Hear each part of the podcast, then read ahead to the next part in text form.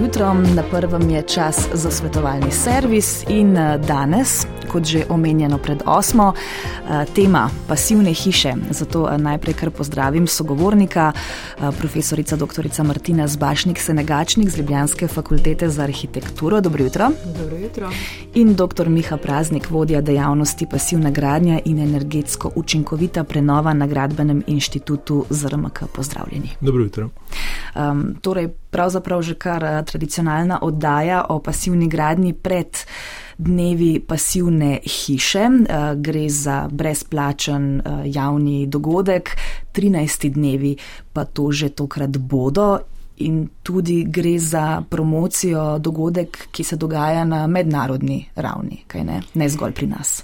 Ja, tako je. Mi smo se pred uh, tolikimi leti uh, pridružili akciji, ki so jo začeli na Passive House inštitutu dr. Wolfgang Feist v Nemčiji in so imeli tam najprej uh, dneve pasivnih hiš za njihovo državo, potem se je to razširilo v Avstrijo, v sosednje države in v vseh teh letih uh, se je praktično razširilo po vseh celinah, ker se tudi pasivne hiše tudi zaradi takih dogodkov eh, promocijskih in izobraževalnih gradijo eh, po vsem svetu. Glede na uh, naše oddaje sem ponavadi dobila občutek, da um, je rast zanimanja za ta dogodek uh, vsako leto prisotna, uh, pa tudi nasploh za uh, to vrstno gradnjo je COVID kaj uh, zmanjšal um, to nekako konstantno povečevanje zanimanja. Ne, pravzaprav eh, zmanjšal ga ni, mogoče vsaj na tistem prvem dnevu, ker to je tridnevni dogodek, prvi dan imamo predavanje o pasivni hiši, eh, mogoče pravzaprav. Eh, omogočil širšemu številu ljudi, da se udeležijo teh predavanj, ker to delamo zdaj zadnje tri leta preko Zuma in je gotovo bolj dostopno uh, se priklopiti na uh, internet, kot pa se podati v Ljubljano v konici petkovi, ko se je to začelo. Tudi število obiskov je konstantno. Tako da mislimo, da so taki dogodki potrebni. Uh -huh. uh, doktor Praznik, kaj kaže izkušnja z RMK-ja? Je v bistvu interes za samo gradno se povečuje, ker prej smo govorili o relativno mehnem deležu novograditeljev, ki so se odločili za gradno stanovanskih stavb po razredu A, A1, A2. Uh, zdaj pa ta delež bistveno večji, tako da ponavljamo vsako leto, se pravi, in dobre izkušnje, ki jih imamo, na kaj je potrebno paziti in vse osnove, zakaj se tako odločiti. Um, še nekaj informacij o dogodku, uh, takole v začetku oddaje, preden gremo potem um, na praktične težave oziroma področje. Eh, torej, to je nek, eh, neka priložnost, da eh, pobliže spoznamo energijsko najbolj varčne stavbe, kdaj in kje pa se torej bodo dogajali dnevi pasivne hiše. Uh, kot rečeno, to je 13. To je, uh, 13. dogodek in sicer je 13, uh, tri dnevni dogodek od petka do nedelje, uh, letos od 11. do 13. novembra. Prvi dan imamo uh, predavanja po spletu, na Zoomu, povezave so na uh, pod dnevi pasivne hiše, se najde na spletu. Uh, vse te tri dni pa so odprte pasivne hiše po vsej Sloveniji, uh, 15 jih je uh, in 5 jih je virtualno možno si pogledati in v tem uh, času si lahko vsi, ki jih to zanima, uh, te hiše uh, ogledajo. In preverijo izkušnje tako investitorjev, stanovalcev, kot izvajalcev, ki so tam na voljo za razno razno vprašanja. Je potreba uh, po prijavi? Eh, prijava je, na, v eh, tisku so uh, že bile informacije o tem, sicer je pa na spletni strani dnevi pasivne hiše, so uh, hiše predstavljene, pri vsaki hiši je navedeno, kdaj uh, se, se jih da ogledati in povezava, na kateri se uh, prijavijo za oglede. Uh mhm. -huh. Um, gremo zdaj uh, k praktičnim uh, zadevam, pa še enkrat ponovim naše kontakte, če ima kdorkoli uh, kakšno vprašanje, uh, ki se tiče pasivne gradnje. Nič 1, 475, 22, 22 je naša telefonska številka, uh, tako nas najhitreje dosežete, če pa bi nam raje pisali, storite to na uh, elektronski naslov prvi afna rtvslo.si ali prek spletne strani prvi pika rtvslo.si.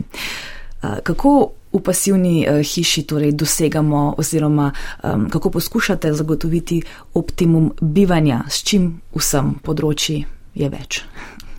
Ja, tako je. Uh, se pravi, te stavbe, se pravi pasivne hiše, imajo dve značilnosti. Eno, da so energijsko zelo učinkovite, drugo pa, da omogočajo bistveno boljše pogoje bivanja kot recimo starejše stavbe ali pa stavbe, ki so grajene v nekih drugih energijskih razredih.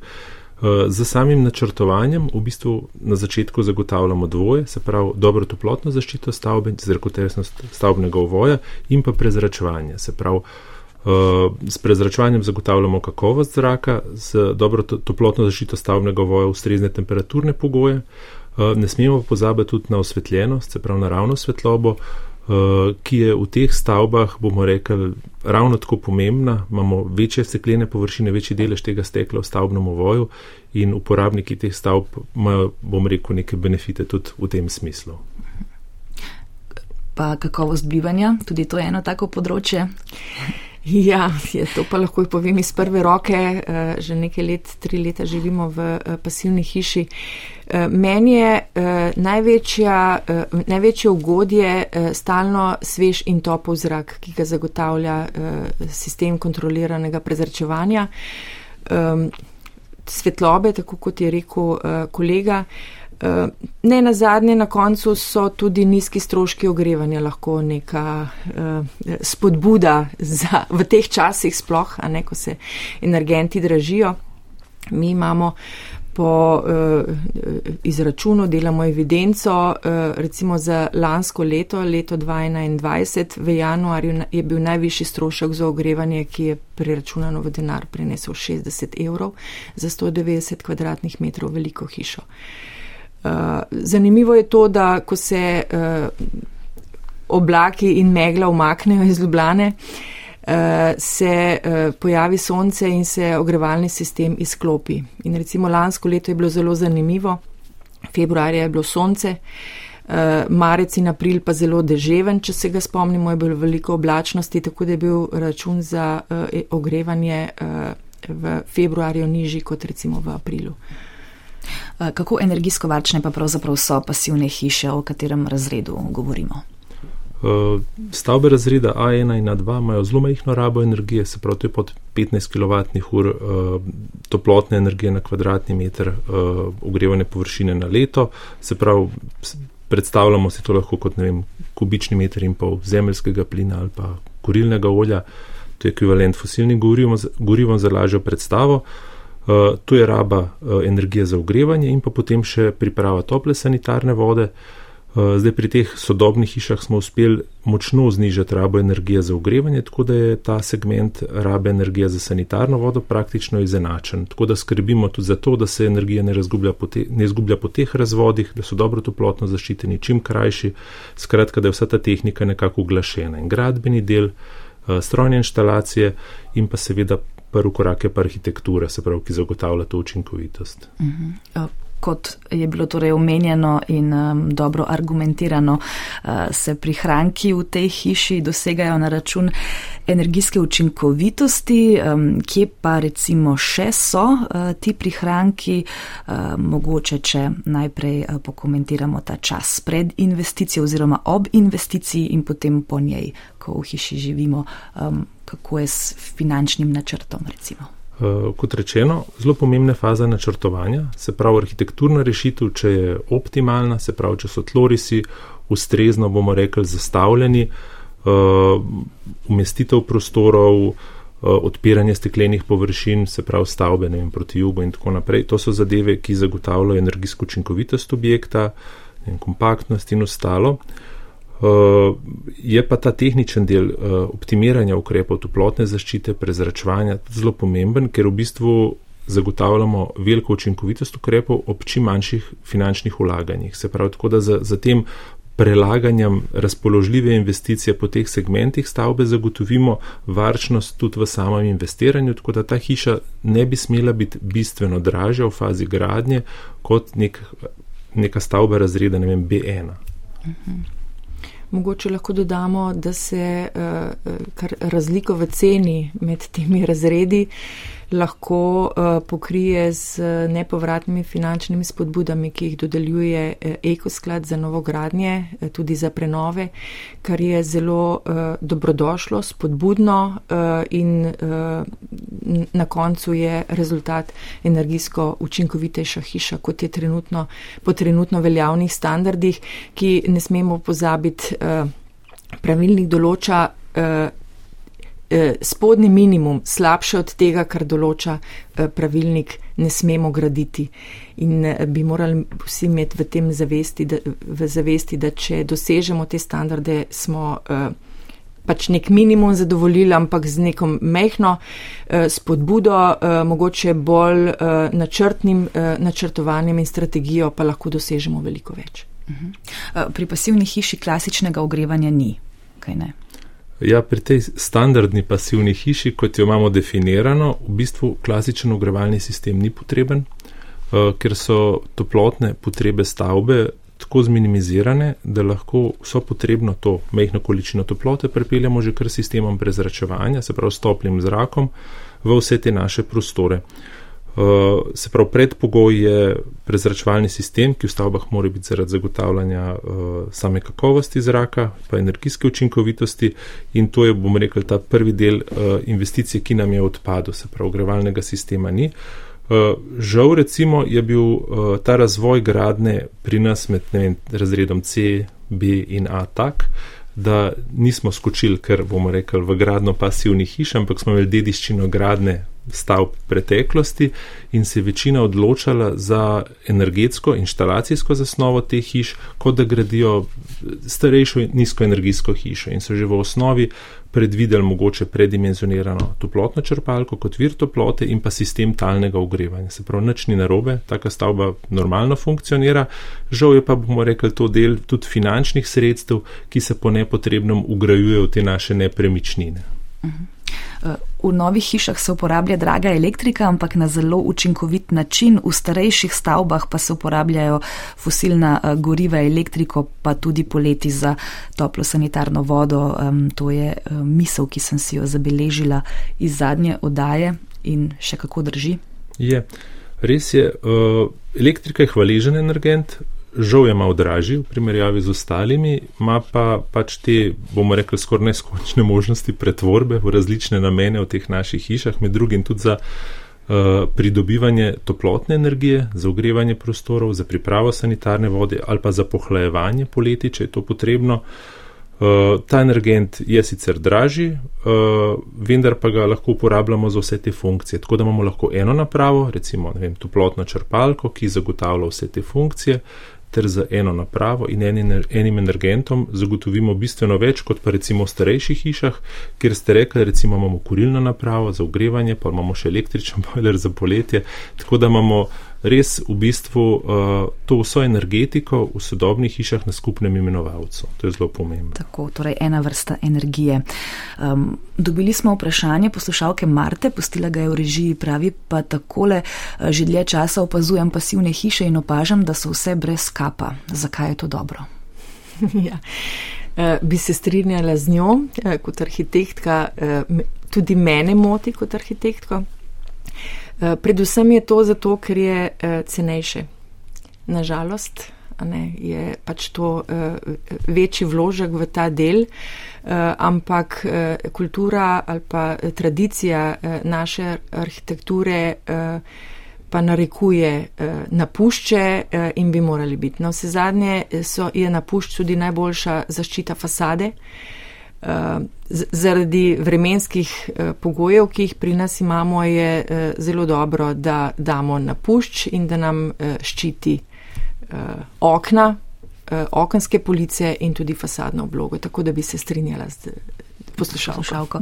Eh, nič 1, 475, 22, 22, še vedno velja, da nas lahko pokličete, eh, lahko pa nam tudi pišete prek spletne strani. Poslušalec je tam zapisal eh, naslednje vprašanje, koliko časa bodo na razpolago nepovratna sredstva iz ekosklada za obnovo hiš. Um, Zdaj, ekosklad ima več javnih pozivov, se pravi, javni poziv za sofinanciranje gradnje, uh, se pravi, stavb razreda A1 pa A2, ima tudi eno postavko, ki se nanaša na celovito energetsko prenovo obstoječih stavb. Uh, tako da to, se pravi, je isti finančni vir in ko se bo razprl, zaprl razpis za novogradne, bo to tudi zaprtje razpisa za celovito energetsko prenovo obstoječih stavb. Eh, želimo v bistvu vse lastnike obstoječih objektov stimulirati, da izvajajo prenovo svojih stavb celovito v enem koraku, se pravi, da to načrtujejo in te stavbe podmladijo, se pravi, v arhitekturnem, gradbenem, pa energetskem smislu. Uh, druga varijanta je parcialno prenavljanje teh stavb. Eh, za te parcialne energetske prenove ima pa ekosklad zopet drugi javni poziv, kjer lahko kandidirajo pač tisti, ki se pač ne odločajo za celovito prenovo, ampak za obnovo, zamenjavo okn, izolacijo fasade, izolacijo strehe, zamenjavo ogrevalnega sistema, pogradno sistema prezračevanja. Tako da to so različni javni pozivi in na ekoskladovih spletnih straneh se v bistvu dost Uh, dost pregledno je prikazano v bistvu, kaj je odprto, kaj je aktualno, če so pa vprašanja, jih pa najbolj verjetno kar pisno zastaviti prek elektronske pošte na ekosklad. Mhm. Dva telefonska klica bomo zdaj sprejeli v okolice, okolico Grosuplja. Gremo najprej, uh, poslušalec Drago nas je poklical. Dobro Darko, jutro. Darko, Darko. A, Darko se upravičujem. Ja, želite, takole, uh, jaz imam še tisto klasično spred 40 let, kombi plošče, fasado, terenovo, a ne špric faše stene ni nikjer zelena okrog. Uh, ko pa vidim tle razne demit fasade in te to nove, ne, po parih letih pa še brez napušča, tako le bom rekel, to, da ni napušča kapa, je za na primorsko, za kje za na jug, ne pa za pri nas okolico Grosuplje, Dolenska, Gorenska. Ne vem, kaj bomo čez 20 let rekli, da smo mi nekaj tega dobrega delali, ali bodo rekli, da je bila strateška napaka, dajmo spet napuščati. Jaz mislim, da bo to ta drugo, kar sem rekel. Želim lep dan, pa vse dobro. Lep. Pa malo komentarja, prosim. Lep pozdrav, Hvala. srečno v Grosuplje. Ja, se lahko nadaljujemo tam, ker smo prej ostali z poslušalko, uh, ostali, jaz bi se s tem strinjala in tudi uh, pač uh, materijali, ki so bili včasih na voljo, niso spodbujali uh, rasti raznih alg uh, na fasadah.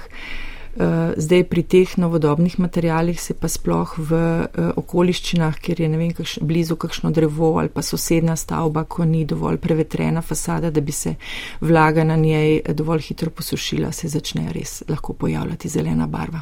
Uh -huh. uh, Janes iz Grosuplja, dobro jutro, tudi vam. Dobro jutro. Povejte.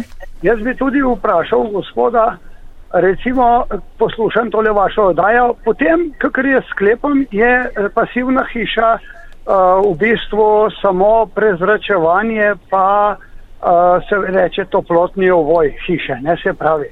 Uh, problem pri teh starejših gradnah, ki imamo recimo po 30 let staremi uh, hiše.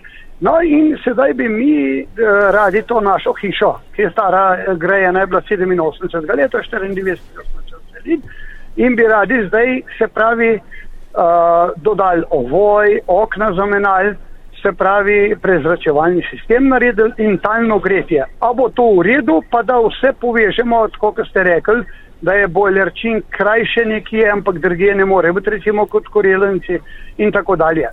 Plus tega bi še povedal uh, ali pa vprašal, res te le hiše opazujem, uh, ker je to danes uh, ta napušč. V glavnem so vse zelene fasade, vse vsakega normalnega človeka uči pamet, da če dež skozi spada po fasadi, da bo zelena ratala in veliko prej umazala, in s tem samo služijo fasaderji, stranke pa nastradajo, ki morajo plačati, če hočejo lepo hišo.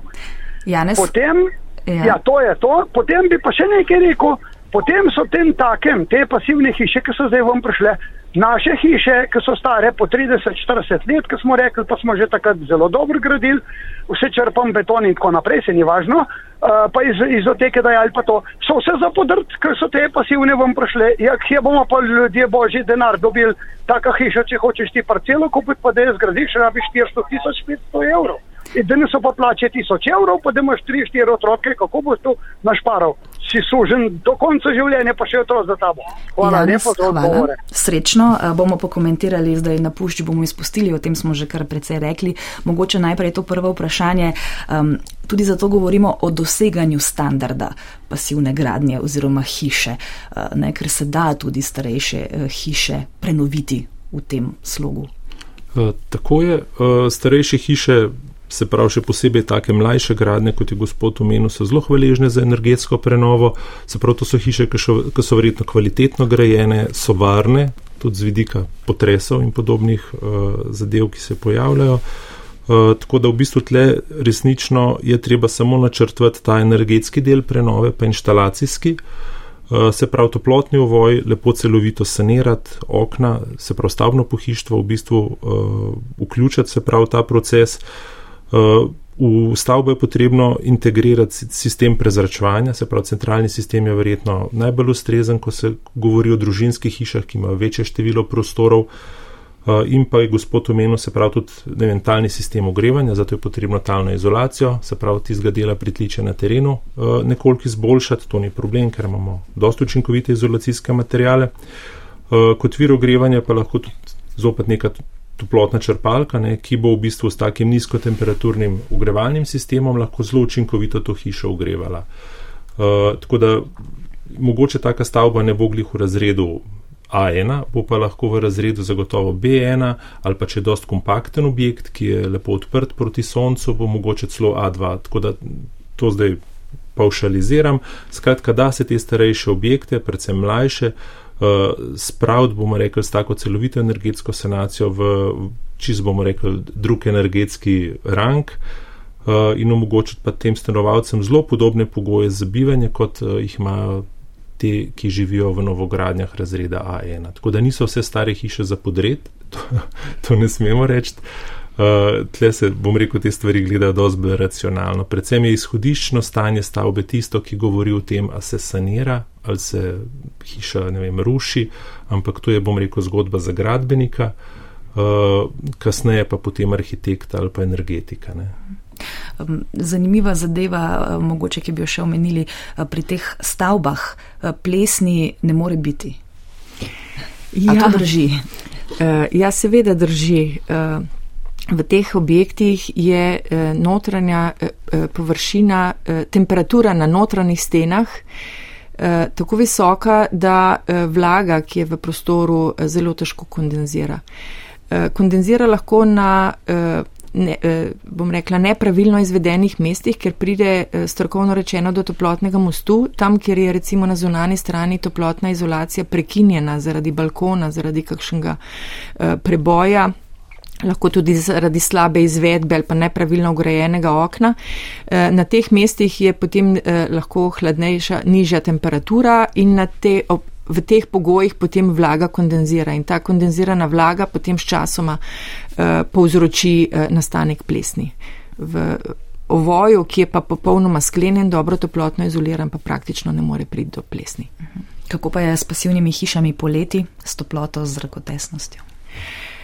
Ja, poleti se obnaša pasivna hiša tako kot vsaka druga hiša. E, ima velike zastekljene površine, ki jih moramo seveda z ustrezno sončno zaščito e, nekako pokriti poleti, tako da so. E, To je zelo pomemben element pravzaprav vsake, eh, pasivne, vsake hiše, ne samo pasivne. Eh, zrakotesnost je pa problem eh, bolj po zimi. Eh, po zimi ne odpiramo okn, zato ker uh, ni potrebno, ker imamo prezračevalni sistem. Uh, ampak poleti pa lahko odpremo okna kadarkoli, ker je približno enaka zunanja temperatura ali pa nekaj, uh, nekaj stopinj razlike v temperaturah, tako da to notranjega delovanja ne moti in zrakotesnost ni problem. Seveda pa tako kot pri vsaki hiši se po noči odpre hi, eh, okna eh, proti jutru, eh, v, eh, takrat, ko je hladna okolica, se spusti v hišo not eh, svež, eh, hladen zrak in seveda potem zapre eh, za dnevno uporabo stavbe. Eh, dobili smo še eno zanimivo vprašanje oziroma mnenje, eh, kaj pa, ko pride kriza, kot je bila recimo žled, eh, pravi poslušalka, mi smo bili takrat 14 dni brez elektrike, rešil nas je ziden štedilnik in kamin. To so pa pač dogodki, ki so redki, upajmo. So, ampak... so dogodki, ki so redki, ja. uh, ampak uh, žal uh, pasivna hiša ni odgovor na, na te probleme. Uh, gotovo elektriko. Uh, Potrebujemo, včasih se takrat niso mogli niti rolet dvigati in žaluzi, in tako tega se zavedamo, ampak z dodatnim koriščem, ki pa tudi je veliko krat v pasivnih hišah uh, neko minimalna ogrevalna naprava, uh, bi pa lahko to pomagala rešiti. Načeloma so ti uporabniki v teh hišah povedali, recimo, da takrat, ko jim je zmanjkalo elektrike, je hiša recimo uhlajala tam stopinjo do stopinjo pa pol na dan. Uh, odvisno od tega, uh, a so imeli v bistvu senčila spuščena ali dvignjena. Se pravi, če so imeli recimo ročno krmiljena ali pa dvignjena senčila, pol se je to zelo počasi hladilo in praktično niso imeli nobenih problemov, ne? ker se je to treh dneh skladilo mogoče s 23-24 stopinj na 20. Uh, tako da uh, drugo so pa res ta korišča neke lokalne naprave, tako kot so neki kamini manjših moči, ki se pa sicer tudi, bom rekel, nekje bolj pogosto, nekje pa bolj redko, se pravi, uh, ugrajujejo ali pa načrtujejo novogradne. Uh mhm. -huh. Ob koncu, torej, eh, mogoče še enkrat opozorilo, torej konec eh, tega eh, tedna, dnevi pasivnih hiš, prijava je potrebna. Um, pa mogoče samo še to vprašanje, si bo možno ogledati tudi kakšen večji objekt, recimo vrtec, podjetje ali večstanovanske stavbe v pasivnem slogu, seveda niso grajene samo enodružinske hiše. V okviru dneva pasivnih hiš eh, spodbujamo predvsem eh, oglede enodružinskih hiš, zato ker je eh, ta dogodek namenjen investitorjem, ki se za to odločajo. In teh je tudi največ. Teh je tudi največ. Se pa pri nas na naše veselje standard uveljavlja tudi v velikih javnih objektih, za te pa potem organiziramo znotraj konzorcija pasivna hiša fakultete za arhitekturo strokovne ekskurzije za uh, arhitekte in projektante, takrat pa uh, dogovorimo obiske, se dogovorimo za obiske teh velikih, aktualnih, takrat zanimivih objektov. Dobro. Um, Na tej točki, dve minuti čez pol deveto, se vam samo še zahvalim za sodelovanje. Eh, Dr. Miha Praznik, vodja dejavnosti pasivna gradnja in energetsko učinkovita prenova na Gradbenem inštitutu ZRMK in profesorica dr. Martina Zbašnik, Senegačnik z Ljubljanske fakultete za arhitekturo, sta bila eh, naša gosta. Eh, hvala za vse, vse odgovore na vprašanja in seveda uspešen zaključek tedna na dogodku. Hvala lepa in hvala, hvala za vabilo. Bodite eh, z nami tudi jutri. Eh, tema bo kulinarična in sicer Martinove jedi.